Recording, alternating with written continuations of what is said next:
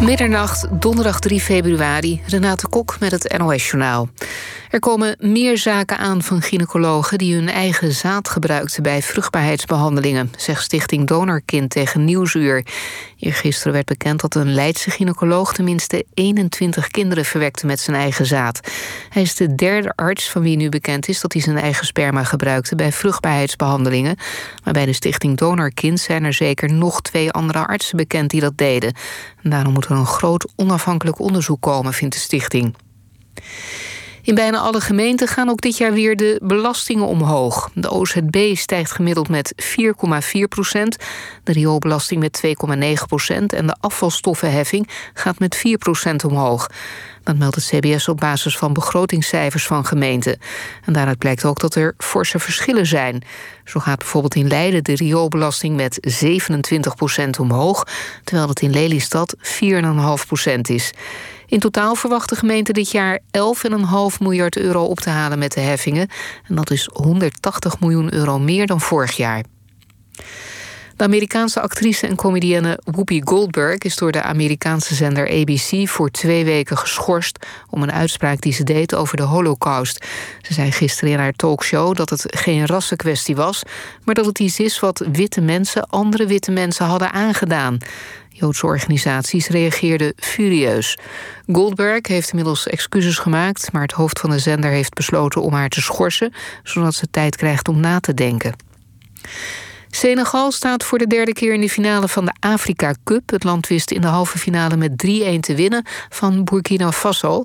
De andere halve finale wordt komende dag gespeeld. En die wedstrijd gaat tussen gastland Cameroen en Egypte. En dan wordt ook duidelijk tegen wie Senegal het zondag opneemt in de finale. Het weer bewolkt, af en toe wat motregen en een graad of 6. Later overdag ook weer bewolkt, wat lichte regen en maximaal 8 graden. Dit was het NOS Journaal. NPO, NPO Radio 1. VPRO. Nooit meer slapen.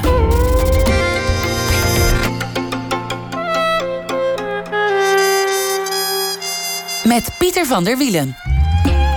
Goedenacht en welkom bij Nooit meer slapen. Het is twee minuten voorbij, 2 februari 2022. En dat is heel vaak twee. En dit is de 2000ste aflevering van dit programma.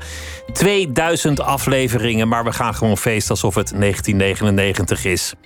Ik ga toch een paar mensen noemen. Ik was maar één van de vele presentatoren. Er waren anderen, Liesbeth, Elfie, Lotje. Maar de keren dat ik er was, ging het zo. Het gebouw hier is duister, zo'n beetje iedereen is weg. Maar er zat altijd een portier en dat kon zomaar Costa zijn. Die altijd energiek en vriendelijk iedereen binnenlaat. En naast het openen van poortjes, tourniquetjes en het maken van rondes... zichzelf in de nacht ook nog Italiaans heeft geleerd. Buiten staat een taxichauffeur te roken en meestal is dat Warner. Altijd er genoeg om met hem de dag door te nemen. Hij brengt bij nacht en ontij onze gasten veilig thuis. Hier achter het glas, achter de knoppen, zit Tim, die van Motown houdt. Hij is de technicus. Hij zorgt ervoor dat dit ook buiten de studio te horen is. Het kan ook zomaar Anne Bakema zijn. En dan moet ik niet te lang blijven hangen om tot zonsopkomst te praten over bootjes of de Beatles. Dan hebben we daarnaast Bart. Kan ook Serra zijn of een Vivian. En Bart weet wel hoe de printer werkt en de webcam. En hij weet het bubbelwater te vinden. Het bruiswater. Honderden liters bruiswater gingen er doorheen door de jaren. En ja, ook dan komt er op een gegeven moment iemand die zegt: Is dat nou wel goed voor je, al dat bruiswater? Dat bruiswater wordt nog eens je ondergang. Ook iedereen bij de VPRO moet ik bedanken. Een dorp waar iedereen burgemeester is. Dat ging zo. Kwam je met je bonnetje, riep de secretaresse: Eén ding, ik ben geen secretaresse. En dan beet ze erachteraan: Ik heb culturele studies gestudeerd. Is niks persoonlijks, zei de eindredacteur. Ik zal het nog eens met haar erover hebben. En dat bonnetje liet ik maar zitten. En dan had je één keer in de week de evaluatie. Bloedbaden waren dat. Waarbij elke minuut radio werd gebogen en te licht bevonden. Te frivol, te populair. Een intellectuele omroep als de VPRO onwaardig. Tot ik me een paar keer had verslapen en merkte dat niemand het echt door had als je niet naar de evaluatie kwam. Het leven werd lichter. Nee, ik heb nooit gedacht dat we dit 2000 keer zouden doen, dit programma. En dat het uiteindelijk zo'n leuk clubje zou worden. Een kleine toegewijde bende ergens in Hilversum die elke dag probeert een zo goed mogelijk programma te maken. Dank aan alle mensen die luisteren, of half luisteren, of halverwege indommelen. Misschien weer even wakker worden. Daar doen we het dus voor. Dank ook voor alle aardige berichten door de jaren heen. En dan heb je natuurlijk de genodigde. Er zit er een tegenover me. Daarover straks meer. 2000 keer kwam er iemand naar de studio om te vertellen. En het was echt niet alle 2000 keer een nominatie voor de Sonja Barend Award. Maar soms, toch in de nacht, ontstond er zomaar iets bijzonders. Al die verhalen, al die inzichten, al die anekdotes hebben mij verrijkt. En ik moet het toch ook even noemen. Dank aan mijn geliefde Iris, die elke keer s'nachts wakker werd om half vier. Als die grote nachtpresentator klaar wakker de trap op kwam stommelen. Vol verhalen over bootjes en Beatles. Moet je ook maar zin in hebben, natuurlijk. Goed, 2000ste gast. Ter zake. We gaan het hebben over de enige dingen die er eigenlijk echt toe doen: de liefde en de dood. Wees een beetje lief voor elkaar, zei burgemeester Eberhard van der Laan van Amsterdam in 2017, kort voor hij aan kanker zou overlijden. De stad gaf massale blijk van rouw. Maar hij liet ook een gezin achter. Zijn weduwe, schrijfster en columniste Femke van der Laan, die heeft een boek geschreven aan de randen van de dag, het verhaal van een liefde. En Femke van der Laan werd geboren in 1978. Hartelijk welkom, Femke. Dankjewel en gefeliciteerd. Je bent de 2000ste gast. Ja, mooi. Maar het gaat, het gaat eigenlijk toch gewoon over jou hoor. We gaan het, uh, gaan maar... het niet over, over mij hebben of over dit programma. Nee? Nee, ik heb nu eh, zes pagina's voorgelezen. Het was genoeg. Genoeg, genoeg momentje. Het was misschien wel iets meer dan genoeg zelfs, maar okay. toch. Moet er even bij stilstaan. Zullen we meteen even beginnen met, met het moeilijkste moment? Dat is namelijk het moment dat er een dokter binnenkomt die zegt: Het is slecht nieuws. Hoe gaat zoiets eigenlijk? Nou, ik weet niet of dat het moeilijkste moment is. Het is natuurlijk wel het eerste heel moeilijke moment. Um, hoe gaat zoiets? Ja. Um, waar, waar, was het? In het, uh, wat ik in mijn boek het allerergste ziekenhuis noem. Het Antonie van Leeuwenhoek. Um, het is natuurlijk ook het aller, allerbeste ziekenhuis, maar wel met heel, heel zieke mensen. Het is niet een ziekenhuis waar je met een snotneus of een, of knieprothese komt. Nee, zeker niet. En uh, nou ja, weet je, er, er, worden ook geen kinderen geboren. Zo'n ziekenhuis is het niet en dat voel je wel aan alles. Um, en Eberhard en ik waren daar um, op 24 januari 2017 omdat hij last had van nou ja, hier ergens, en hier kunnen, kunnen de luisteraars natuurlijk niet zien, maar ergens in de buurt van zijn schouder, sleutelbeen, arm. Uh, en ze konden maar niks vinden. En toen was er overleg geweest en, het, en bij het Antonie van Leeuwenhoek hadden ze gezegd: Kom maar bij ons, wij zijn het snelste. Niet omdat er nou iemand dacht aan het allerergste, maar gewoon vanwege de efficiëntie. Um, dus dan ga je door zo'n uh, rond apparaat. En dan uh, worden de foto's ingeladen. En dan komt er een arts en die zegt: Ik weet even niet waar ik moet beginnen. En dan weet je het eigenlijk al, dan zie je al aan het gezicht van die arts dat het mis is. Ja, ook omdat je weet, deze mensen hebben alles al wel zo'n beetje gezien. Dus als zo'n arts dan ook niet weet waar hij moet beginnen, dan, nou ja, dan is dat wel heel erg. En dan is het heel even stil en dan, en dan gaat zo'n uh, zo'n arts verder. En dan krijg je foto's te zien met grijze vlekken. Hier en daar en overal. Hebben jullie toen tegen elkaar gezegd: dit is het einde? Nee, nee, dat hebben we nooit tegen elkaar gezegd. Nooit op geen enkel moment? Nee. Wat, wat zeg je dan tegen elkaar? Nou, um, ik weet nog wel, we werden even alleen gelaten, want er moest een arts komen die meer verstand had van longen. En ik weet nog van mezelf dat ik heel erg naar hem keek en heel erg probeerde te voelen of te zien wat hij op dat moment nodig had. En ik dacht alleen maar van je gaat dood. Ja. Was ook niet echt iets om te zeggen op, op dat moment. En hij zei: uh, Wij kunnen dit, meisje. Wij kunnen dit. Ja. Zonder te definiëren wat dat precies is. Ja. Maar wat dat bleek te zijn, is het, het afronden van een leven. Het tegemoettreden van een einde. Ja. En geliefd te blijven in zo'n in zo'n fase. Ja, nou, dat laatste is het minst moeilijk van allemaal. Want dat ging vanzelf bij jullie. Ja. Wat, wat, wat je in je boek zo schrijft, en wat, wat ik natuurlijk al wist uit de media, is dat hij vastberaden was om tot de allerlaatste snik te blijven werken. Om, om te vergaderen langs de bedrand. Dan kwam de drie hokken op bezoek, of er moest er nog iets overlegd worden, of een nota of een toespraak. Het werk moest doorgaan zolang als die kon, ja. kon ademen eigenlijk. Tot de aller, allerlaatste snik. Ja. Was dat meteen duidelijk dat dat zijn wens was? Het is, het is uh, nooit onderwerp van gesprek geweest, eigenlijk. Was vanzelfsprekend. Ja, ik heb. Uh, toen ik ging schrijven en ook natuurlijk hierover, heb ik echt in, in elk hoekje van mijn geheugen gezocht naar een moment dat we zijn gaan zitten en, en zeiden van goh, hoe gaan we dit doen? En dat, maar dat is er niet geweest. Hij ging door. Het werk moest altijd doorgaan. Wat was dat eigenlijk? waarom, waarom was het werk zo belangrijk ook op het eind? Mm, um, ja, werk was voor Ebert heel belangrijk. En ik denk uh, dat het iets met bestaansrecht te maken had. Dat je nuttig moet zijn in dit leven.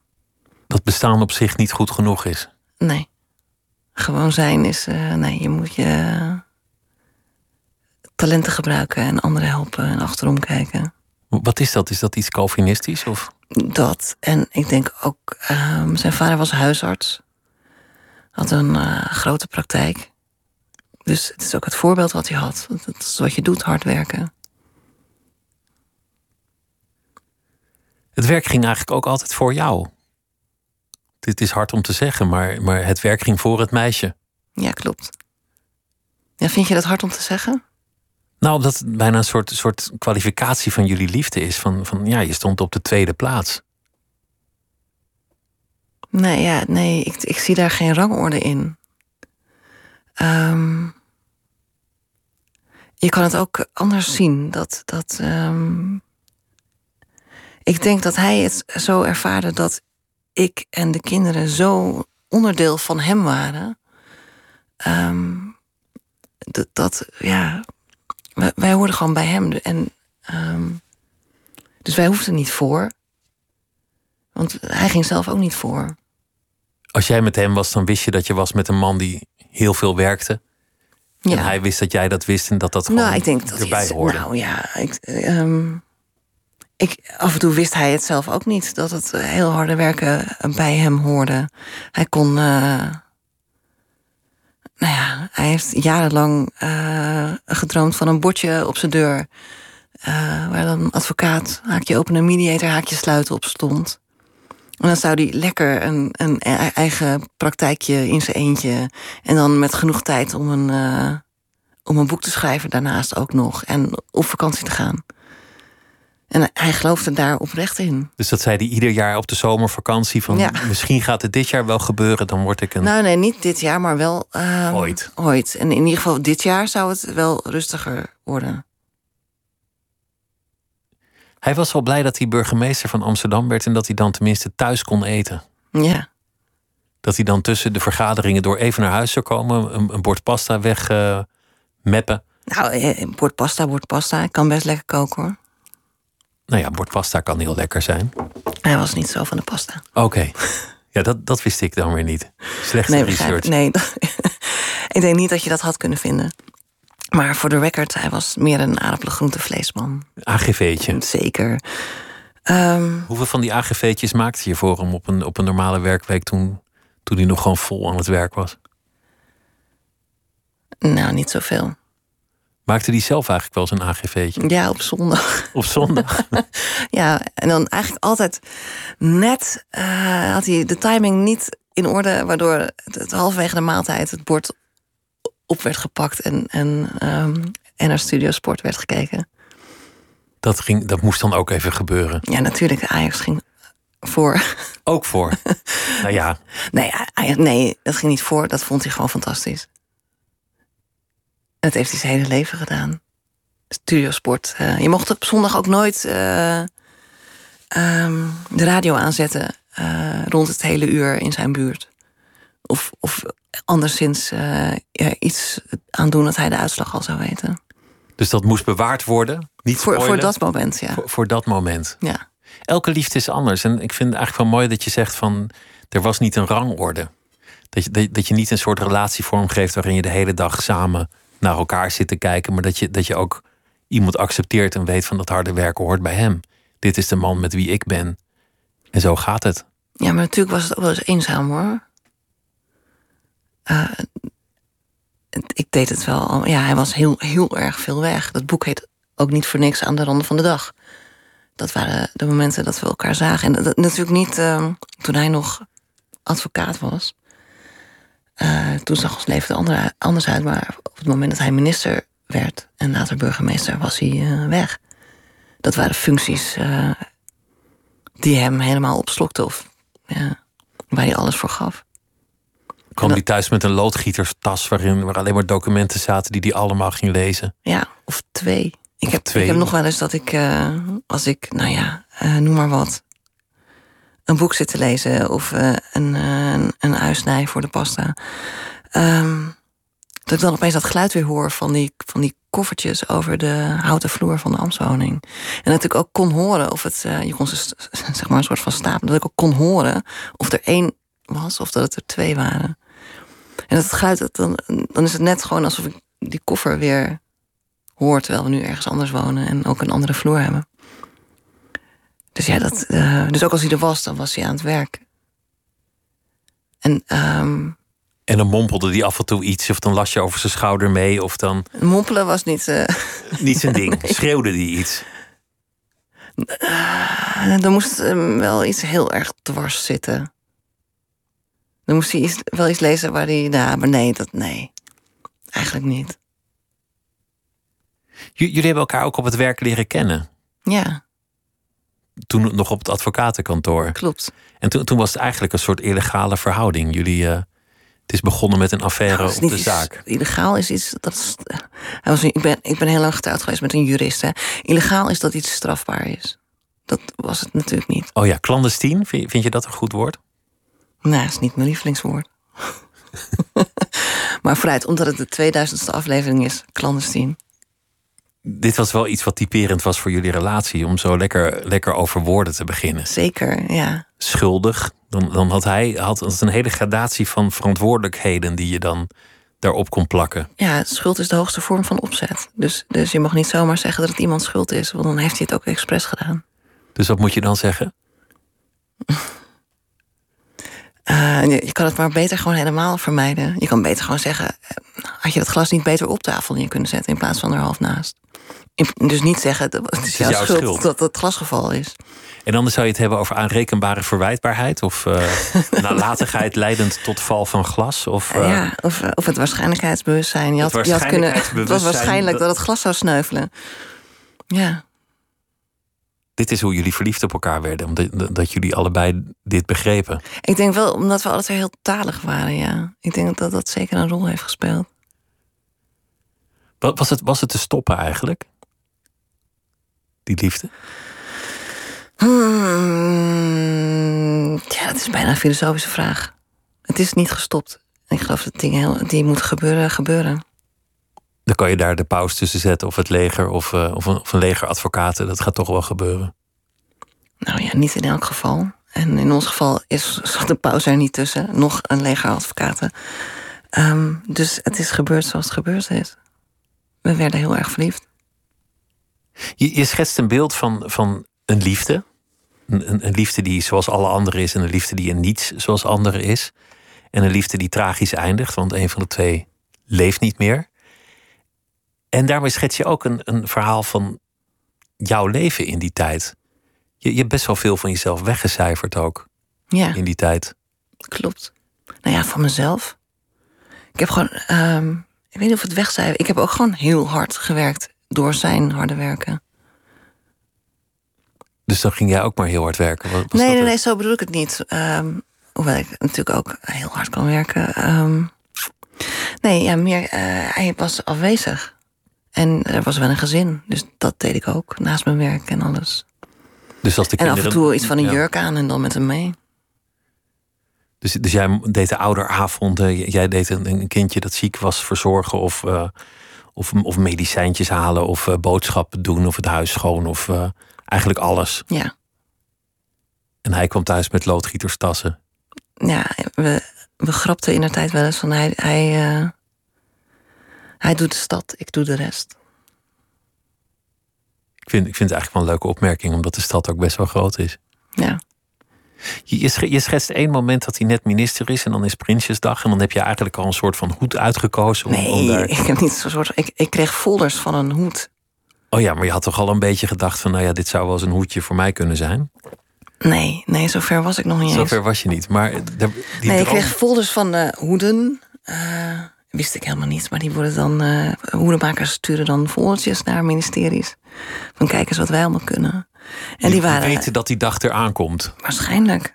Eh, en die waren aan hem meegegeven in een van de loodgieterstassen met een briefje erbij voor mij van als je hulp nodig hebt, dan horen we het wel. En ik heb dat open en hij vraagt wat het is en ik zeg hoedjes. En even later zegt hij, ja, maar eh, Het gaat niet gebeuren. jij gaat niet mee. Dat, dat, dat is een mooie scène in je boek. Want, want eigenlijk zegt hij, ik heb geen zin in gedoe. Ja, maar niet eigenlijk.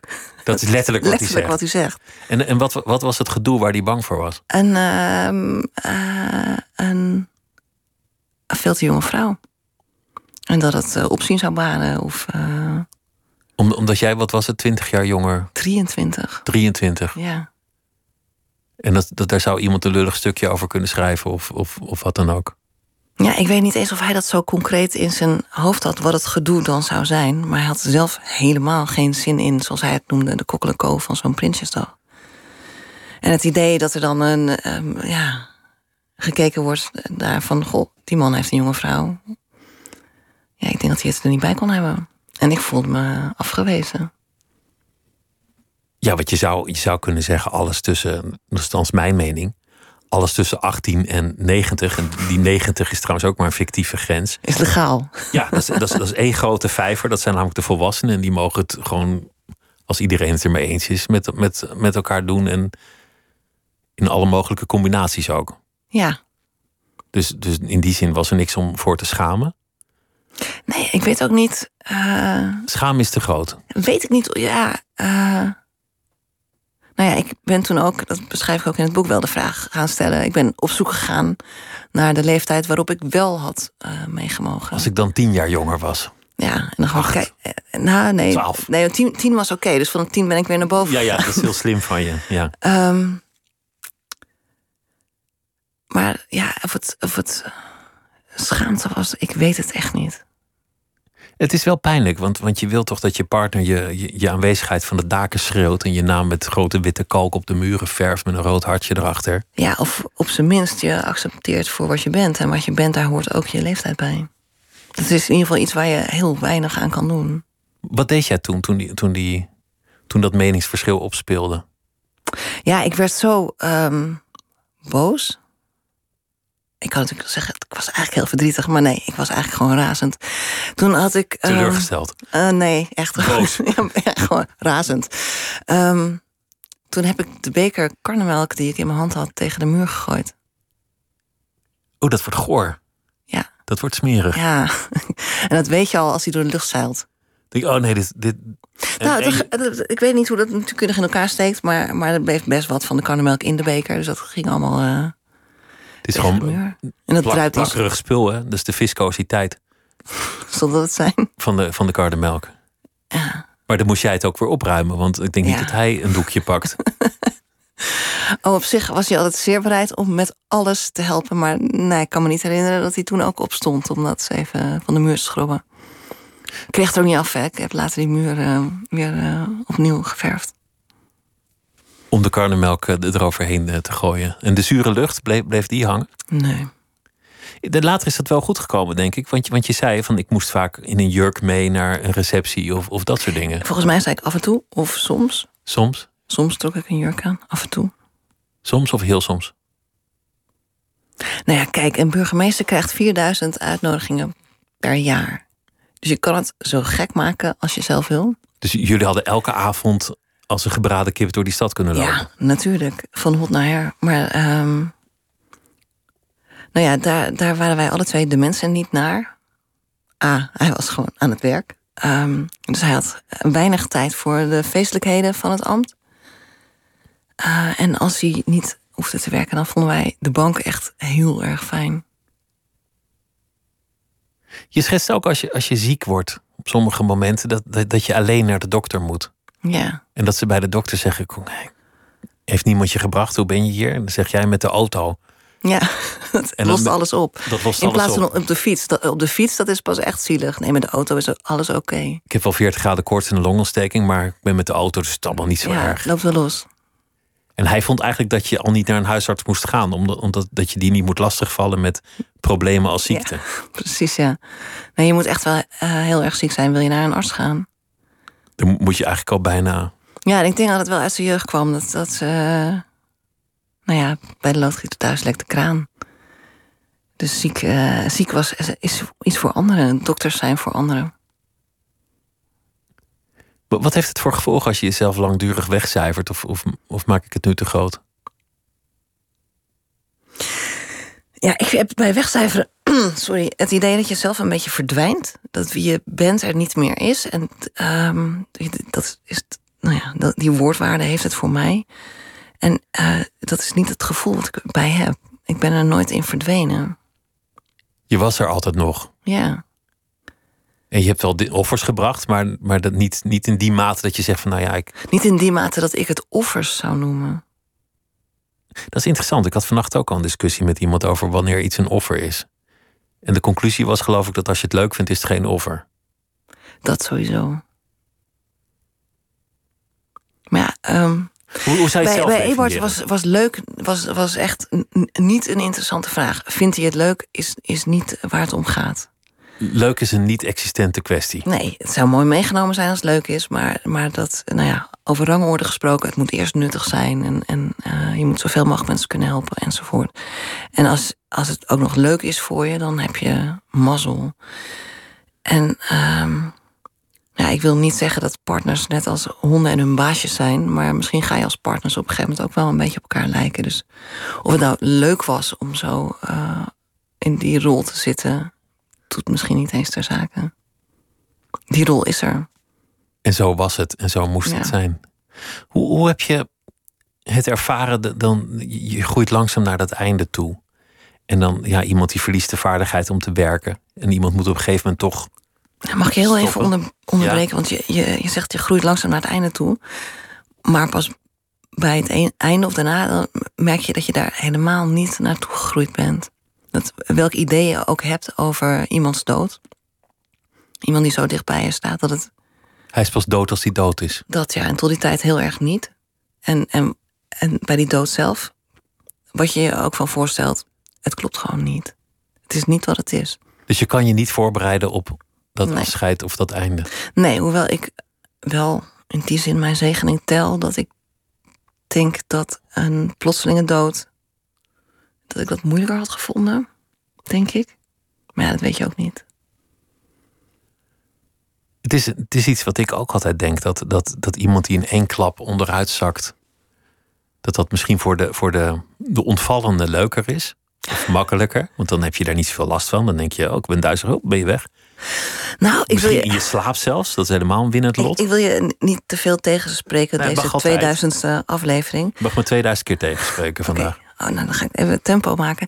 Ehm, ik, ik snap heel goed wat je bedoelt. Van het is voor degene die, die sterft misschien het, het, makkelijkste als het gewoon in één klap gebeurd is. Dan hoef je ook daar niet bang voor te zijn of wat dan ook. Maar wat ik bij Ebert wel gemerkt heb, is dat, ehm, nou ja, zoals ik net al zei, het, het werk en alles hoefde niet leuk te zijn. Dus complimenten, die, die kon je ook. ehm, nou ja, daar, daar, kon hij niet zoveel mee. Die ontving hij niet echt, want er was nog zoveel meer te doen in de stad. En ik heb in die laatste negen maanden gemerkt dat, dat eh, nou ja, er kwamen natuurlijk bakken met liefde binnen in de vorm van nou ja, complimenten en kaartjes en bloemen en alles. En applaus. En dat hij dat eh, voor het eerst van zichzelf mocht, mocht hebben. Van dit is voor mij. Ik heb blijkbaar eh, heb ik het goed gedaan. En natuurlijk is, is het, het zo naderende dood niet prettig voor je. En misschien was het voor hem makkelijker geweest als hij in één keer was gegaan. Maar dit heeft hij wel mooi eh, nog even kunnen ervaren. Dat, dat was een, een massale betuiging van rouw en medeleven. Wat daar ontstond in die, in die laatste weken van zijn leven en de periode kort na zijn overlijden. Ja, Mensen stonden zingend voor, het, voor, voor de ambtswoning. En, en eh, ja, mensen, mensen die schreven stukjes en stuurden brieven. Nou, Jij, jij, jij hebt het van nabij meegemaakt. ja, Op, op mij kwam het vanuit, vanuit de media over als een gigantische uiting van rouw en compassie. Ja, heel veel liefde werd er over hem uitgestort, ja. Ja, was mooi. En hij deed het er nooit voor. Hij was, was niet iemand die nou heel erg smeerde voor publieke belangstelling. Nee. Maar toen hij het kreeg, heeft hem dat wel veel voldoening gegeven. Ja, veel voldoening durf ik nog niet eens te zeggen. Maar dat ik voor het eerst zag van hey, het, het land. Het doet, het doet iets. Ja, je, je, je, want hij kon het ook wel een beetje wegwuiven altijd. Van ja, je, je bent zo goed als je laatste raadsdebat, zei hij dan. En, en weer door. En nu zag je gewoon aan hem van hé, hey, het, het komt binnen. Hoe vond jij dat? Ontzettend fijn voor hem. En voor jezelf? Het had niks met mij te maken. Je zou ook kunnen denken, hij is nu van de stad geworden. Iedereen is nu in rouw. Maar, maar waar is jouw rouw? Oh, die, die, die uh, alom aanwezig. En uh, een ander soort rouw. Die mensen misten um, nou ja, een, een, prachtige man en echt hun burgemeester. En ik miste mijn echtgenoot en de vader van mijn kinderen. Daar zit natuurlijk wel een verschil in. Maar, maar er waren weinig mensen die, die dat wisten. Dus die twee dingen die stonden echt totaal los van elkaar. De, de publieke rouw en jouw rouw. Die, die twee ontmoeten elkaar niet. Of, of werd jij op straat veel aangesproken door mensen die zeiden... Nee, nee. Uh, nee, want ik, ik was niet... Uh, het is niet dat ik... Uh, dat je als vrouw van, of als partner van de burgemeester herkend wordt op straat. Zo werkt het niet.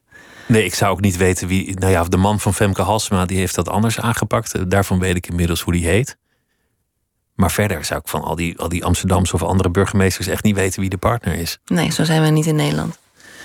Um, maar natuurlijk is het uh, enorm fijn uh, om te merken dat de man van je houdt zo geliefd is. Natuurlijk is het dat. En dat ze er ook verdriet van hebben. Maar ik weet dat zij, ja, zij missen de burgemeester. En jij mist je man. Ja. En je kinderen missen hun vader. Ja. Hoe, hoe, hoe, is dat, hoe, hoe gaat zoiets als dan? Want je zei, je, je kan je niet voorbereiden op het moment dat iemand echt weggaat. Ja, mij bleek het niet gelukt. Wat was het moment dat je voor het eerst realiseerde: shit, hij is echt weg? Nou, hij stierf uh, op een avond. En ik was de jongste voor aan het lezen. En ik werd geroepen door de thuiszorg. En toen ik kwam, was hij al vertrokken. Um, en dan, en dan begint het natuurlijk ook meteen zo'n zo'n praktische. Um, ja, er komt dan een arts en die stelt dan de dood vast en, en al die dingen. En je hebt kinderen die je moet troosten. En, en, en er is het besluit om het die avond nog maar even niet naar buiten te brengen, maar te wachten tot de ochtend. Allemaal dat soort dingen. En toen werd hij gehaald, um, want hij zou beneden opgebaard worden. Dus nou ja, dan komen er mensen binnen en die doen dat met het grootst mogelijke respect. Leggen ze hem op een brancard um, in een soort zak. En toen uh, ging die zak dicht met een rits en ze stopte niet bij zijn nek. Die, die ging um, zijn gezicht over. Hij ging helemaal die zak in. En toen, dat was het eerste moment dat ik het door had. Want iemand die nog ademt, die. die nou, dan zou je dat niet doen. Daar dek je het gezicht niet van. En toen, toen ja, dat ik, schrok, de boodschap ik, schrok, ik schrok daar heel erg van. En dat vond ik dan tegelijkertijd natuurlijk ook weer een beetje gek van mezelf. Want je weet met je verstand heus wel. Ebert ademt niet meer. Maar ergens denk je dan toch, ah je jongens, doe, doe dat even in de lift. Wat natuurlijk helemaal nergens op slaat. Het lijkt me heel moeilijk om dat te zien. Zo'n zo moment. Ja, dat was het ook. Dus en daarom weet ik ook nog zo goed dat dat echt het eerste moment was dat ik dacht: oh, dood. Hoe, hoe heb je die eerste weken, maanden beleefd daarna? Nou, zo'n eerste week is natuurlijk nog een circus. Want dan moet er een, uh, een uitvaart geregeld worden. En in zijn geval niet, niet, een, niet de allerkleinste. Dus daar ben je dan druk mee. En uh, als een. Uh, Havik kijk je naar je kinderen.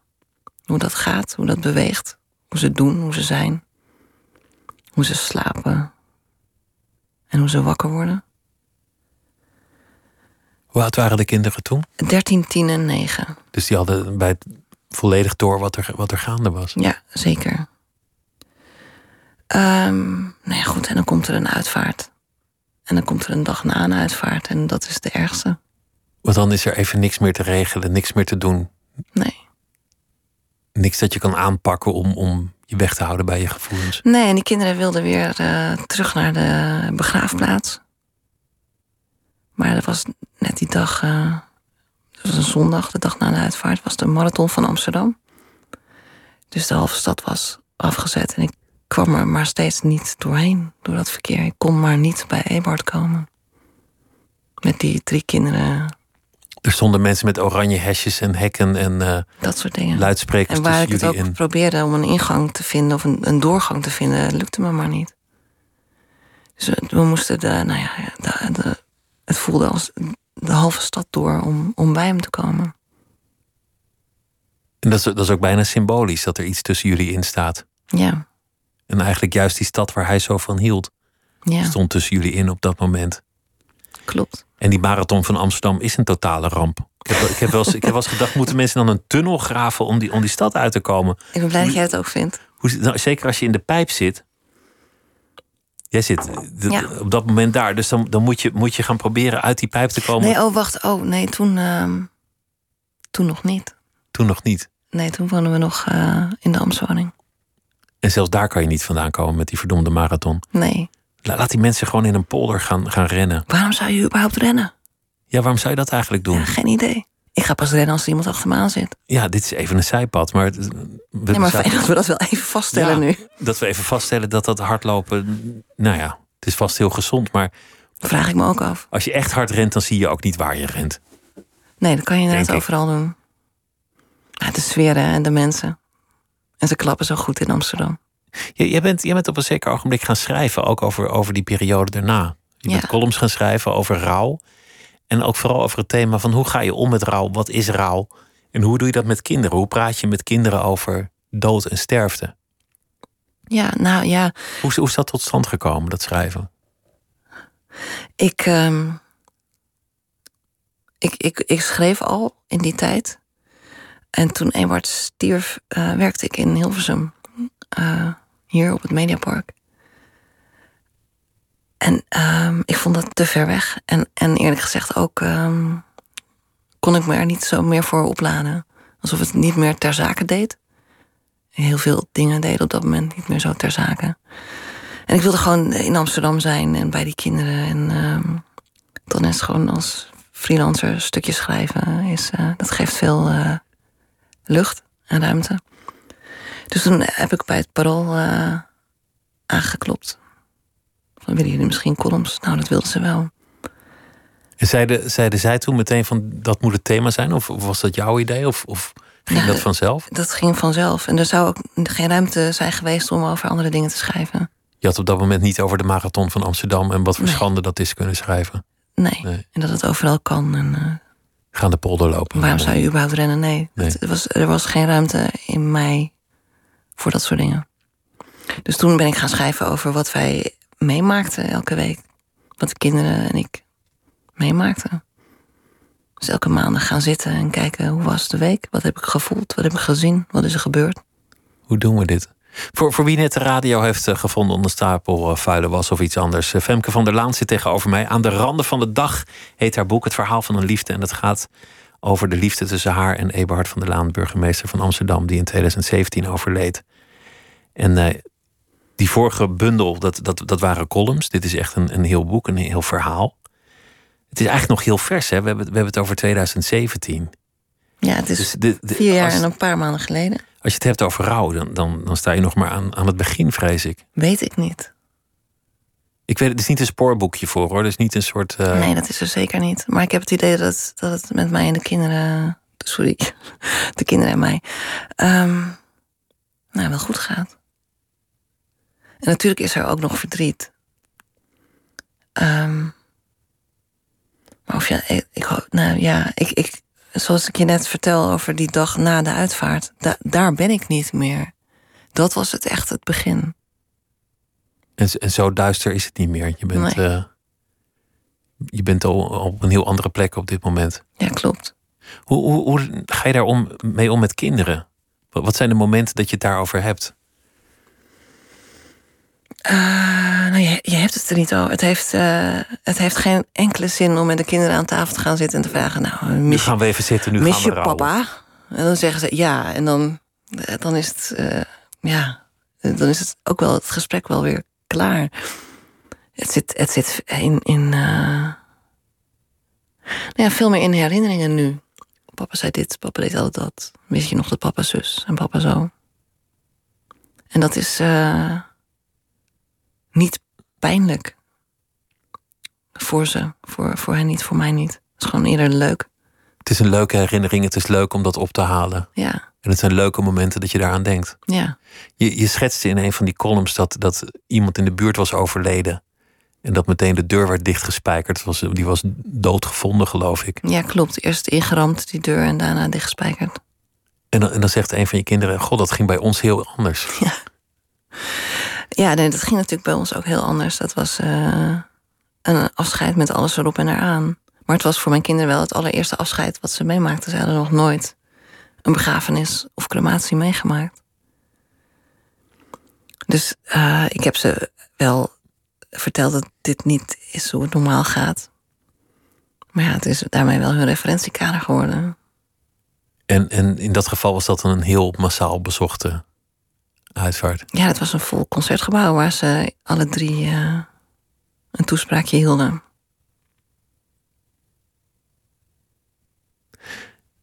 Je, je schrijft ook terloops dingen over jezelf. Over, over de, degene die je bent en die je ooit geweest bent en hoe je bent opgevoed en dat soort dingen. En wat, wat daaruit naar voren komt, is, is dat je eigenlijk in je jeugd ontzettend veel angsten hebt gekend. Is dat zo? Ja, zo, zo kwam het op mij wel over. Als, iemand die, die ja, toch wel met vrees heeft, heeft geleefd. Nee, ik was. Hoe, eh, hoe zie je het zelf? weet ik niet zo goed. In het boek heb ik het over mijn angst om over te geven. Nou, die heb ik ver mijn volwassen leven ingenomen. en mijn buffetangst. En je verdrinkingsangst? Ja, maar heeft niet iedereen dat? Niet in Nee, dat kwam mate. gewoon iets uit heel concreet dat ik eh, voor mijn zwemdiploma ehm, ergens over een sloot heen wilde springen en het niet haalde. En dat was gewoon een heel concrete situatie waarin ik heel erg bang was te verdrinken. Ik vond het een hele mooie metafoor trouwens, omdat je, dat je te lang een aanloop nam, waardoor, waardoor je eigenlijk al je vaart was verloren toen je bij de sloot kwam en daardoor alsnog met je benen in de plomp kwam. En toen je eenmaal in die plomp kwam, bleek die plomp helemaal niet zo heel erg diep. Nee, maar in de lucht dacht ik nog wel dat, dat ik Dat je zou ging sterven. verdrinken. Ja. En, en je had niet eens kunnen verdrinken in die sloot, al had je je best gedaan. ja, klopt. Dat was een moddersloot. Ja.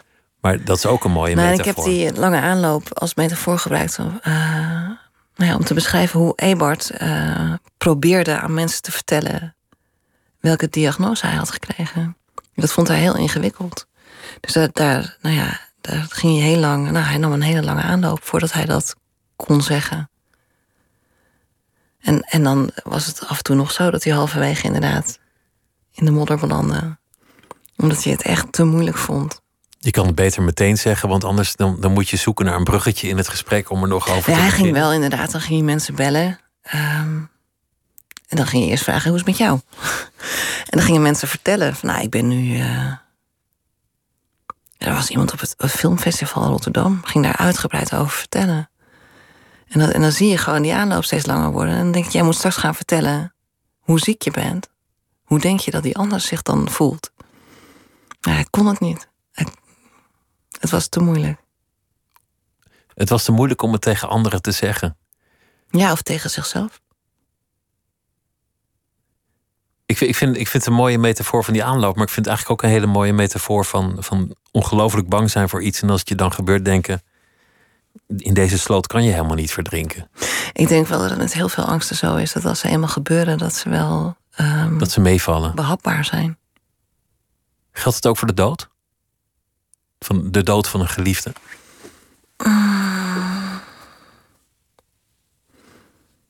Ik weet niet of ik eh, eh, angst had voor zijn, voor zijn dood.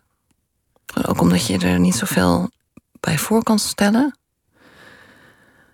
Um, ik denk dat als je dat probeert voor te stellen, dat het toch iets wordt van ik ga iemand heel lang niet zien. En hoe dat in de praktijk eruit ziet, ja.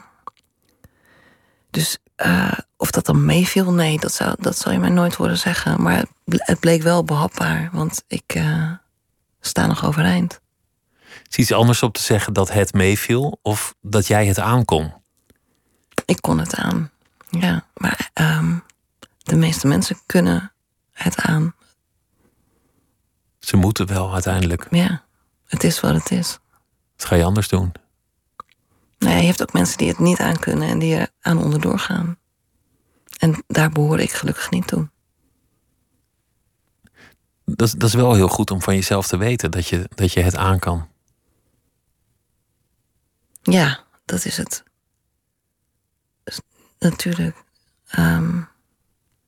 Wanneer kwam dat inzicht? Wanneer dacht je bij jezelf: oké, eigenlijk kan ik dit? Hoe moeilijk het ook is, ik, ik kan dit wel. Nou, ik had uh, um, vrij snel. Um, nou ja, kort na uh, dat van die zak en die rits die over zijn hoofd dichtging, uh, was het toch echt wel bedtijd. Um, nou ja, dus dat is dan wat je gaat doen. Dan ga je in bed liggen. En nou ja, alles, er gebeurt van alles, maar slapen is het niet. En als je wel weg, wegzakt, dan. Uh, nou ja, dan schrik je meteen weer wakker en dan zie je afschuwelijke dingen. En dat is heel ingewikkeld. En ik had al vrij snel um, daarna dat ik kon denken: ja, maar ik, ik heb mijn ergste nacht in dit leven al gehad. Dit was de bodem. Vanaf hier gaat het Ja. alleen maar omhoog. En niet alleen voor nu en voor dit rouwproces, maar ik heb de allerergste nacht van mijn leven al achter de rug. Die komt niet meer terug. Die heb ik al gehad. Dat is een wrange geruststelling. Maar het is wel een geruststelling. Heb je eigenlijk je hele leven al geschreven? Is, is taal eigenlijk altijd al je, je kracht geweest? Ik was er wel goed in. Ik had wel tienen voor mijn opstellen op de middelbare school. Uh, en ik las heel graag. Maar daar, dat je daar ook iets mee kon, kon doen. Dat je een schrijver zou kunnen worden.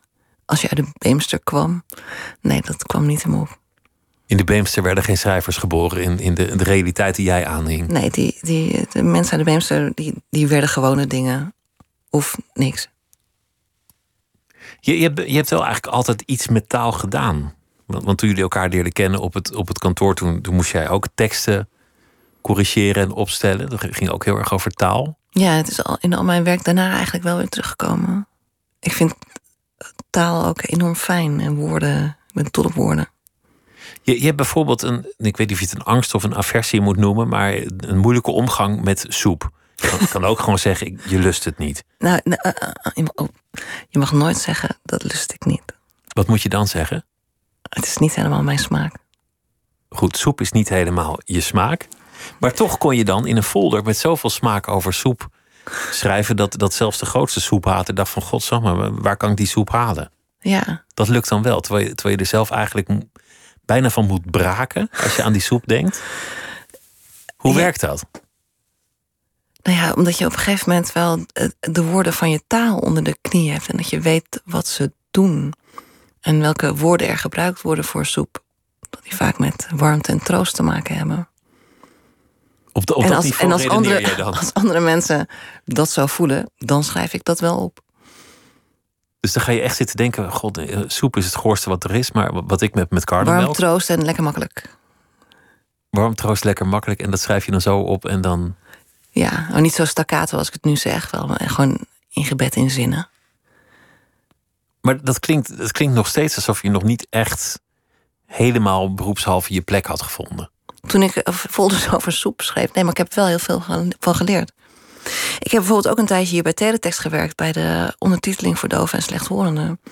En over het algemeen lezen doven en slechthorenden wat langzamer. Dus je moet het Nederlands ondertitelen... maar wel alle woorden die niet nodig zijn eruit halen.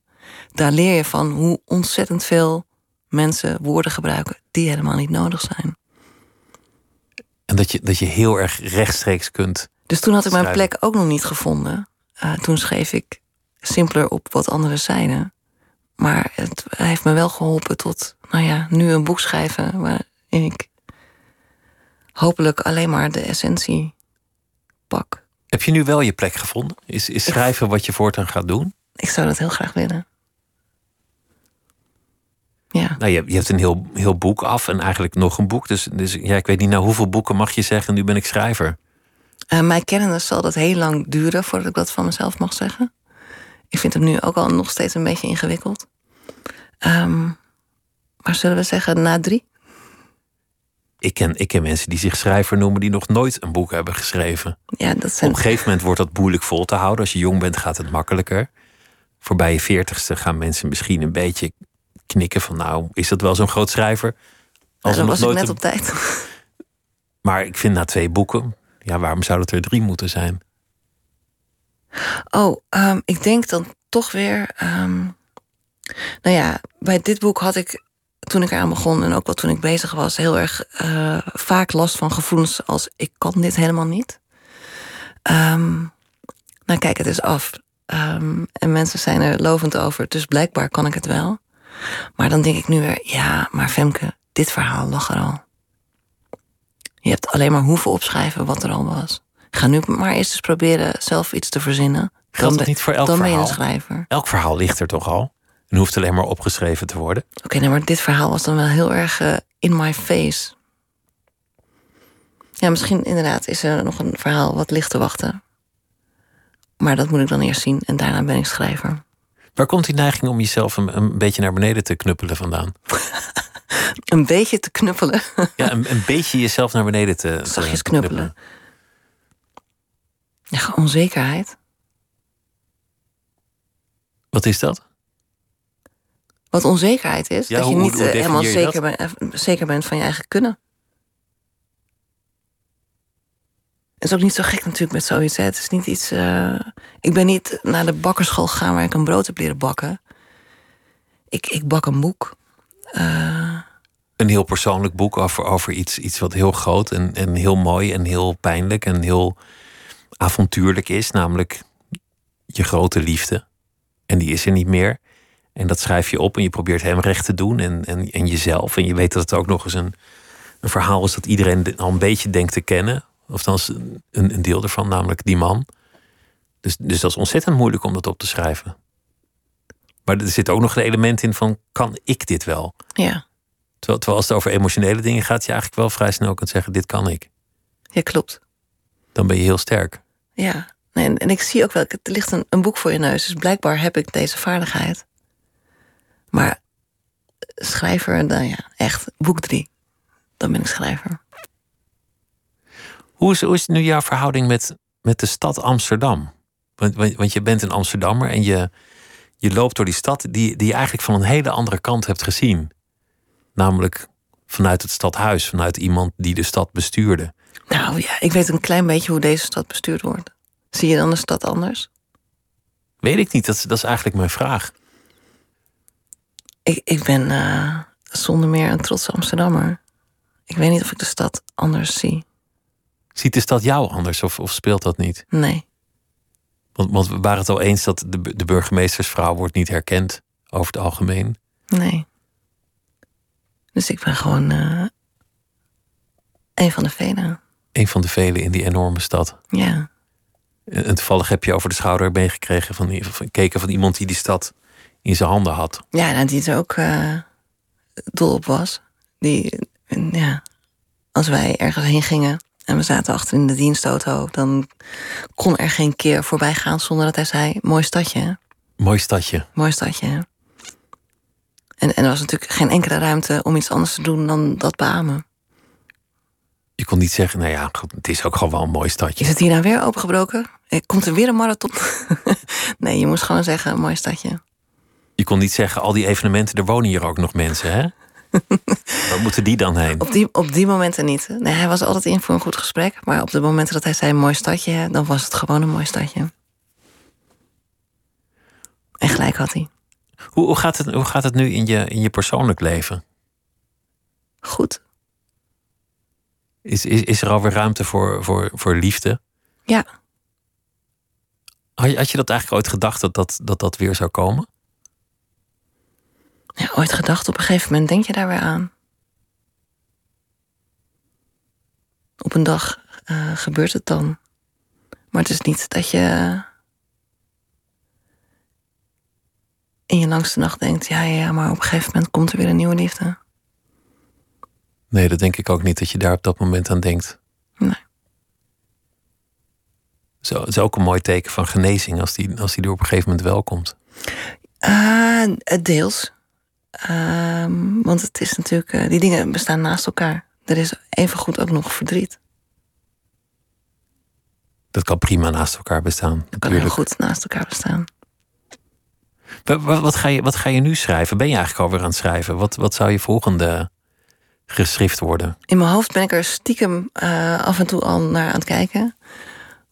Maar dat is nog zo. Uh, het zou te prematuur zijn om daar ook maar iets over te zeggen. Het is eigenlijk een verboden interviewvraag. Iemand heeft net een boek afgeleverd en dan mag je niet zeggen van hé, hey, en uh, dat volgende boek, wat wordt dat eigenlijk? Ik vind het helemaal niet erg. Nee? Nee, want het geeft ook ergens wel aan dat jij er vertrouwen in hebt dat er nog eentje komt. Ja, dat heb ik ook wel. Ja. ja. Dus dan is het ook maar gewoon, ja, kun je het ook zien als een soort compliment. Dus dat doe ik ja, maar. Je columns die gingen ook, want, want jij zei het, het kon niet over iets anders gaan. Het moest wel daarover gaan.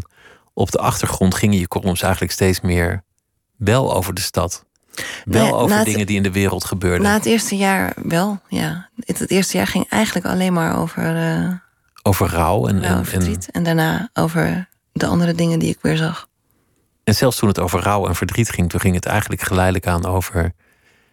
over, over de wereld die daar is... En, en, en die mensen die ook rouwen. Die mensen die ook leven met, met de dood... of met iemand die er niet meer is. Ja, zoals het, dat boek heet uh, Stad vol ballonnen. Waarin ik beschrijf dat iedereen... Uh, wel iemand kwijt is die als een ballon aan een touwtje aan, eh, aan, de, aan, aan de polsen van die mensen hangen. En dat de stad vol ballonnen is. Ja. Dat is wat je niet ziet. Die ballon, dat, dat symboliseert wat je zou zien als, als je zou zien wie er allemaal iemand mist of ja. wie er allemaal niet meer zijn. En het is, het is eigenlijk ook, ik heb net het, het nieuwe boek van Wellebeck bijvoorbeeld gelezen. Dat gaat ook heel erg over dat thema. Wat doet er echt toe als je in het oog staat met de dood? Nou. Wat, wat, is er wezenlijk belangrijk in je leven? Welke, wat, wat heb je eigenlijk nog? Ik denk dat het uiteindelijk liefde is. Liefde en dood, dat zijn de twee dingen, de twee waarden die, uh, nee, die tegenover elkaar staan. Nee. nee, nee, liefde en angst staan tegenover elkaar. Liefde en angst. Leg eens uit. Nou ja, waar, uh, waar liefde is, is geen angst. En waar angst is, is geen liefde. Dat, dat is de tegenstelling. Ja. Liefde maakt vrij van angst. Ja. Oh, dat is wel een interessante gedachte, zeg. We komen echt op nu het bijna klaar is. Die 2000ste. Ja, je zou kunnen zeggen, wie niet lief heeft, heeft niks te verliezen. Dus waar zou je dan nog bang voor zijn? Maar jij ziet juist liefde als iets onoverwinnelijks. Ja, uiteindelijk wel. Ja. Het is sterker, zoals het licht en het donker. Liefde zal alles overwinnen dan in die zin. Ja, ook de dood. Want die liefde is niet vertrokken. Die leeft gewoon voort. Ja. Die is er nog steeds. Ja.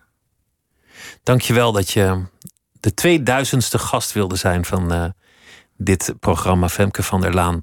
Het boek Aan de randen van de dag, het verhaal van een liefde, is verschenen bij uh, uitgeverij Nieuw Amsterdam. Morgen in Nooit meer slapen, dan gaan we het hebben over uh, stoïcisme. Hoe je stoïcijns door kunt gaan met tegenwind. En we gaan het hebben over dingen volhouden, over duursport en over Olympische prestaties. En dat doen we allemaal omdat Mark Duitert, de schaatsers, schaatser, op bezoek komt in Nooit meer slapen. Dit was het voor deze nacht. Voor de 2000ste keer. Morgen 2001. Voor nu een hele goede nacht. En graag weer. Tot morgen.